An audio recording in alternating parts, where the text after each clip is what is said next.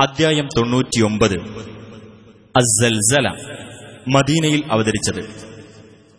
സൽസല എന്നാൽ പ്രകമ്പനം എന്നർത്ഥം.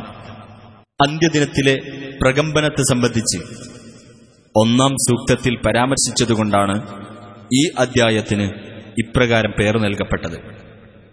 ബിസ്മില്ലാഹിർ റഹ്മാനിർ റഹീം.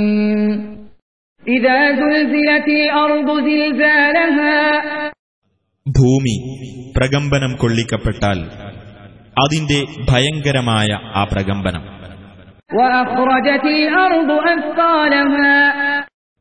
ഭൂമി അതിന്റെ ഭാരങ്ങൾ പുറന്തള്ളുകയും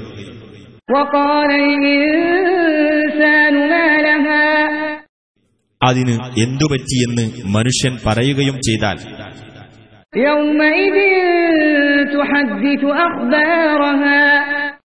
അന്നേ ദിവസം ഭൂമി അതിന്റെ വർത്തമാനങ്ങൾ പറഞ്ഞറിയിക്കുന്നതാണ്.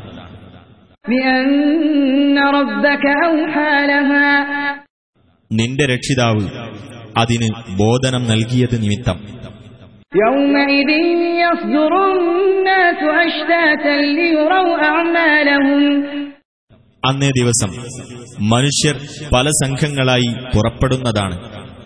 അവർക്ക് അവരുടെ കർമ്മങ്ങൾ കാണിക്കപ്പെടേണ്ടതിനായിട്ട്.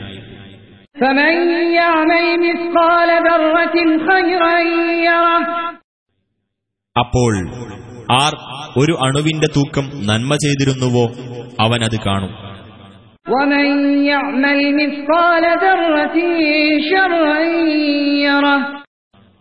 ആർ ഒരു അണുവിന്റെ തൂക്കം തിന്മ ചെയ്തിരുന്നുവോ അവൻ അതും കാണും.